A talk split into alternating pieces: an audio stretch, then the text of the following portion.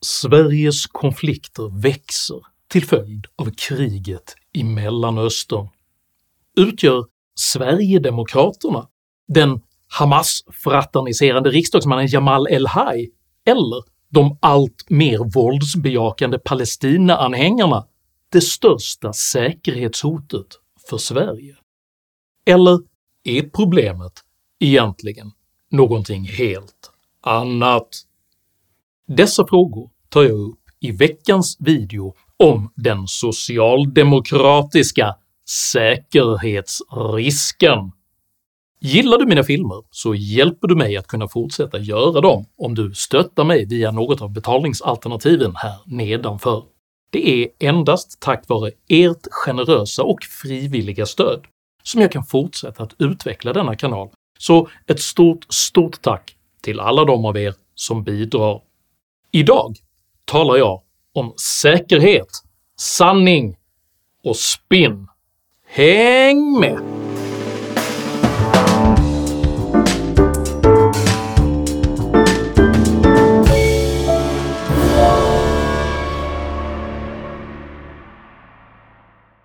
Presidenthustrun Eleanor Roosevelt lär en gång ha kommenterat sin samtid med orden “Stora sinnen diskuterar idéer.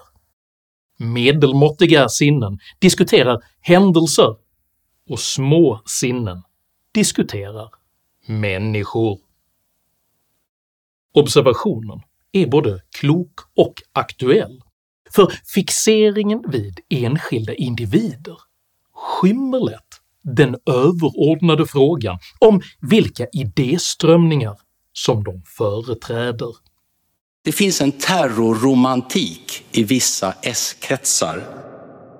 Ett aktuellt exempel på just detta är hur den socialdemokratiska riksdagsledamoten Jamal El-Haj kommit att bli den inrikespolitiska konfliktens galjonsfigur i Sverige.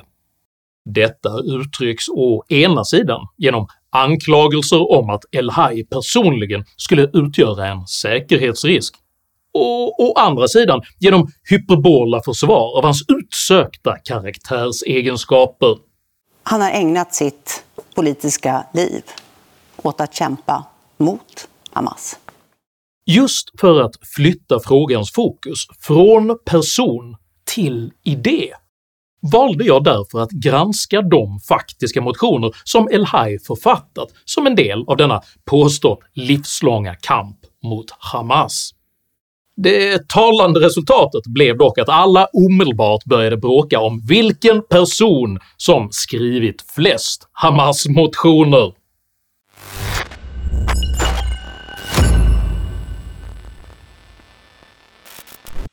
Den första motion El-Haj skrev, som nämner Hamas, konstaterar neutralt “I juni 2007 tog den terrorstämplade organisationen Hamas kontroll över området efter att ha vunnit lokalvalet”.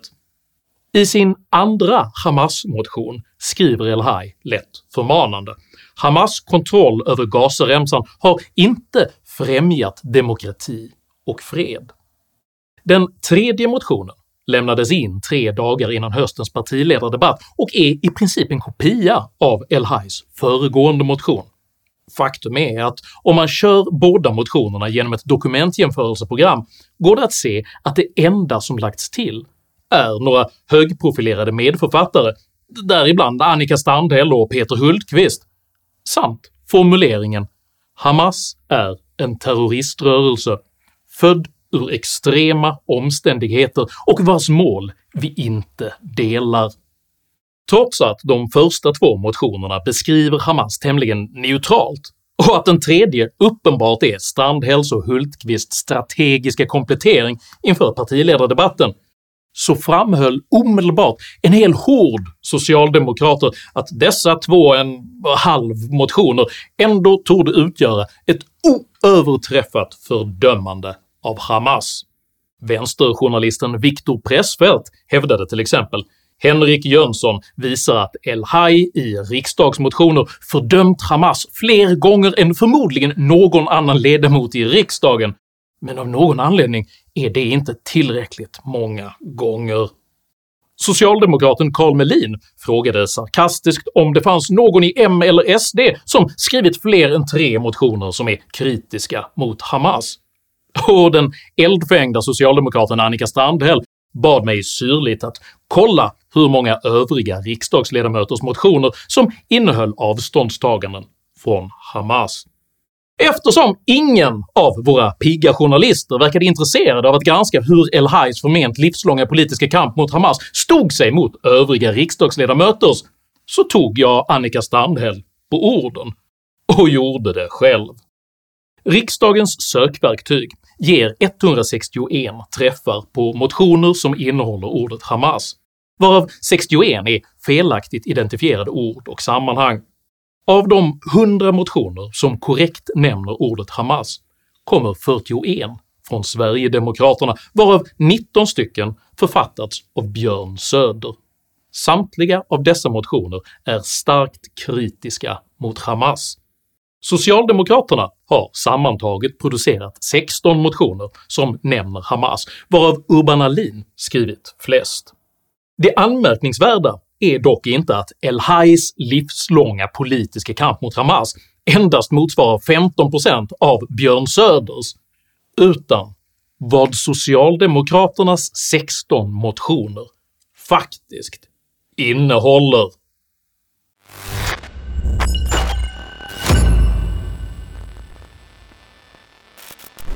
Den 25 januari 2006 vann terrororganisationen Hamas en jordskredsseger i det palestinska valet, vilket Svenska Dagbladet beskrev som “omvärldens mardröm”. Redan året efter valde dock den socialdemokratiska riksdagsledamoten Veronica Palm att motionera om krav på dialog med terroristerna Såväl Sveriges regering som andra länders regeringar, EU och FN måste tala med alla viktiga parter i konflikten, det vill säga både al-Fatah och Hamas. En hållbar lösning är inte möjlig utan att alla relevanta parter deltar. Detta krav upprepades året efter av socialdemokraten Peter Hultqvist som i motionen “Folkrätten och Israel-Palestina-konflikten” fastslog en fredsprocess kan leda till varaktig fred i Israel-Palestina-konflikten endast när den har legitimitet från de dominerade partierna i den palestinska lagstiftande församlingen PLC, såsom Hamas och al-Fatah. Samma år krävde även socialdemokraten Magdalena Streifert i motionen “Konflikten i Mellanöstern” “Riksdagen tillkännager att en dialog ska föras mellan både Fatah och Hamas och Palestina och Israel. Året efter krävde socialdemokraten Thomas Strand i motionen “Upphörande av bojkottpolitiken mot Hamas” att även EU skulle börja förhandla med terrororganisationen. Det kräver att EU överger sin politiska hållning och avbryter sin isoleringspolitik mot Hamas. En varaktig fred mellan Israel och Palestina är inte långsiktigt möjlig om Hamas hålls utanför fredsdialogen. 2010 krävde så socialdemokraten Urban Ahlin i motionen “En rättvis värld är möjlig” att hela världssamfundet skulle öppna för dialog med Hamas. Socialdemokraterna anser att rättvisa val ska respekteras fullt ut, Därför var det fel att isolera den samlingsregering som bildades efter det palestinska valet 2006 med företrädare för Fatah och Hamas. Världssamfundet ska vara öppet för dialog med alla valda palestinska företrädare, inklusive Hamas. Alin skärpte i en uppföljande motion kravet på att respektera Hamas som en demokratisk aktör och menade att det finns en bred medvetenhet om att allt annat skulle vara ett odemokratiskt misstag. När Hamas vann valet i Palestina 2006 valde omvärlden att bojkotta den palestinska regeringen. Vi socialdemokrater kritiserade tidigt därför både EU och den svenska regeringen. Idag finns en bred medvetenhet om att den förda politiken var ett misstag. Och detta är varför både El-Haj och andra enskilda personer bara är symptom på det överordnade problemet. att socialdemokratins strategiska allians med auktoritära grupperingar har gjort hela partiet till ett demokratiskt säkerhetsproblem.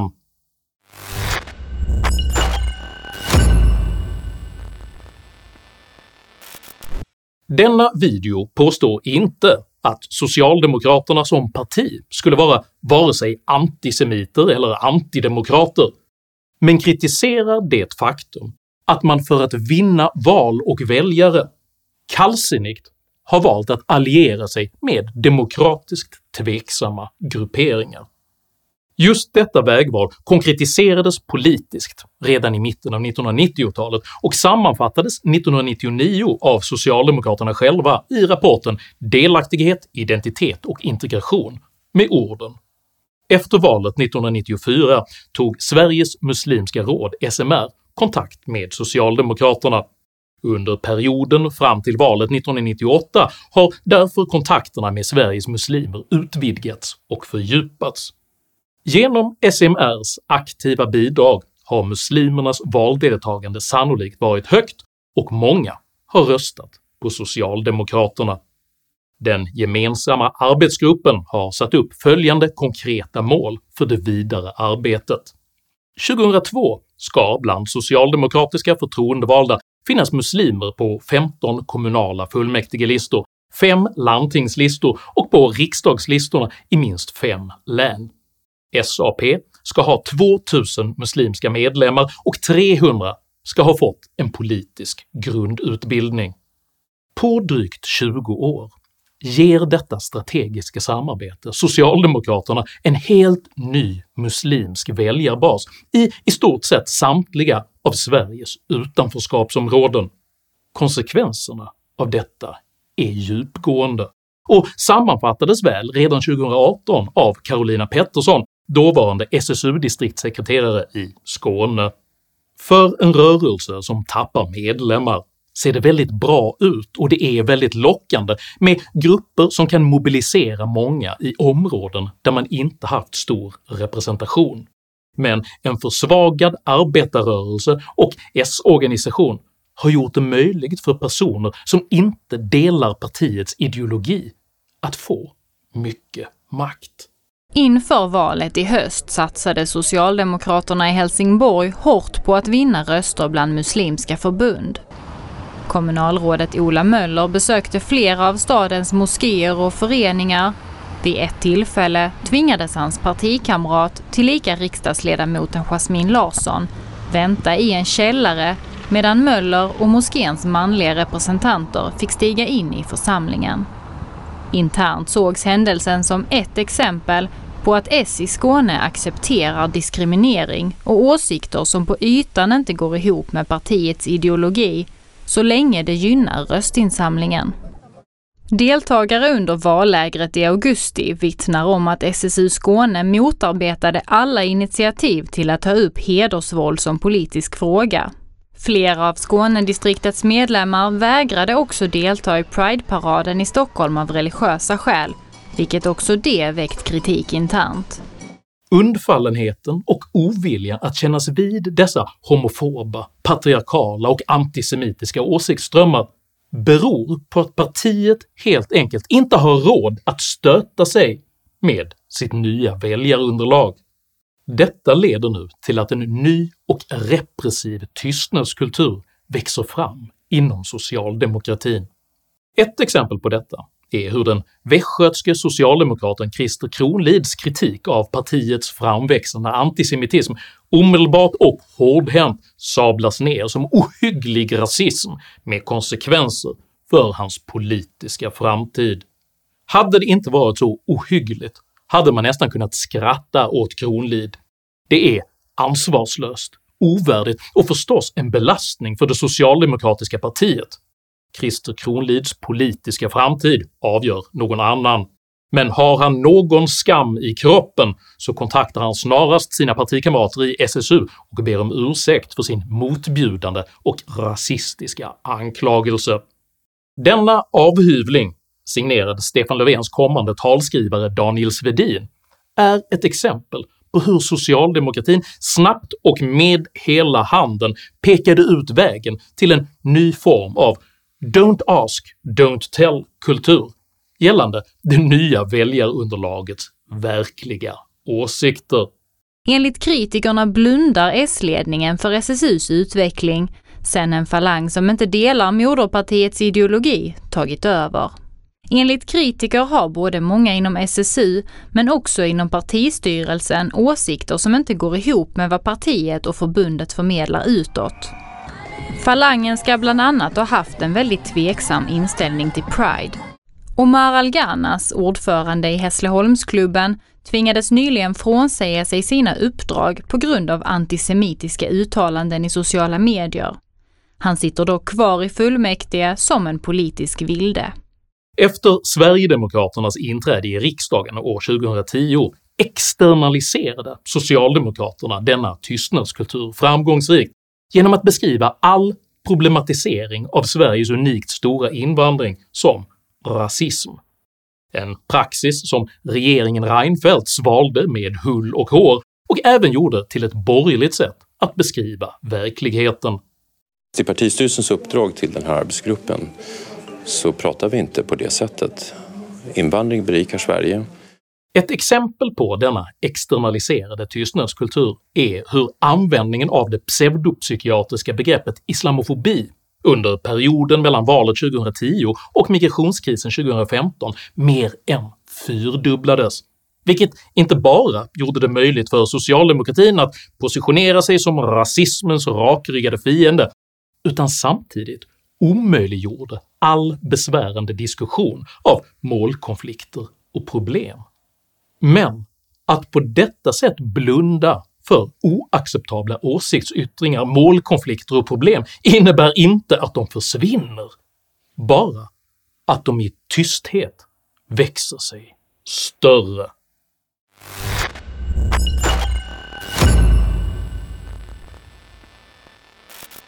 Kollisionen mellan tolerant liberal demokrati och socialdemokraternas nya väljare gick att se för öppna ridåer när Magdalena Andersson nyligen publicerade ett fördömande av Hamas terrorattack på Israel och kommentarsfältet inom ett par timmar fick över 2000 Israel-hatiska kommentarer, varav flera uttryckte bestört missnöje över vad man uppfattade vara ett socialdemokratiskt svek mot den palestinska saken.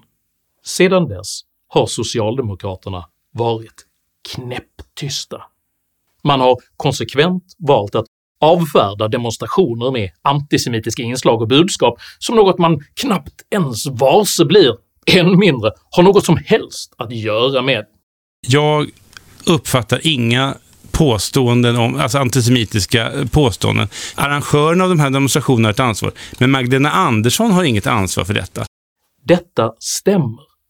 Magdalena Andersson har förstås inget ansvar för de antisemitiska demonstrationerna, men det är hennes väljare och hon borde markera mot detta beteende. Men se då är socialdemokratin tyst. När socialdemokraternas våldsförhärligande systerparti Fatah i förra veckan spred konspirationsteorin att Hamas attack hade fabricerats av Israel för att rättfärdiga ett israeliskt angrepp på Gaza, ja se då är socialdemokratin tyst. När Palestinas Fatah-anslutna Stockholmsambassadör Rulla Almihaisen i Dagens Nyheter vädrar exakt samma konspirationsteori, ja se då är socialdemokratin tyst. Och den enkla anledningen till denna tystnad är att en betydande del av socialdemokraternas väljare delar dessa åsikter och att partiet hellre låtsas som inget än riskerar att förlora deras röster. Det är inte mindre än ofattbart att Hjalmar Brantings, Per Albin Hanssons och Tage Erlanders arvtagare på detta sätt konsekvent viker undan. I en tid när man på allvar hade kunnat göra skillnad genom att fördöma alla de som i Sverige sluter upp bakom terror och visa att en modern demokratisk väg framåt faktiskt är möjlig. Istället väljer man, i enlighet med tystnadskulturens maktlogik, att beskriva varje ifrågasättande av socialdemokraternas beteende som billiga partipolitiska försök till att dölja sverigedemokraternas förflutna, och att de som ägnar sig åt denna förkastliga populism därför bör punktmarkeras. Sanningen är att denna fråga varken handlar om enskilda omdömeslösa människor eller om händelser som vem som har kramat fel personer vid fel tillfälle, utan som Eleanor Roosevelt uttryckte det, om idéer. Och den idé om makt till varje pris som just nu bär upp socialdemokratin, där man hellre väljer de intolerantas röster än står upp för Sveriges bästa, har faktiskt på riktigt gjort detta parti till ett säkerhetsproblem. I alla fall för alla oss som vill ha en transparent liberal demokrati som prioriterar Sveriges, inte socialdemokraternas, framtid. Om du uppskattade innehållet i denna video så hjälper det mycket om du delar den med dina vänner och kanske till och med stöttar mitt arbete via något av betalningsalternativen här nedanför. Dela gärna med dig av dina egna åsikter och erfarenheter i kommentarsfältet, men jag ber dig att alltid vara artig. Jag accepterar inte aggression, personpåhopp eller rasism i mina idédrivna kommentarsfält. Tack för att du som kommenterar respekterar detta. Jag heter Henrik Jönsson och jag uppmanar socialdemokratin att bryta sin kortsiktigt opportunistiska tystnadskultur och istället kraftfullt markera mot de våldsbejakande krafter som just nu sprider sitt hat på Sveriges gator och torg. Tack för mig och tack för att du har lyssnat.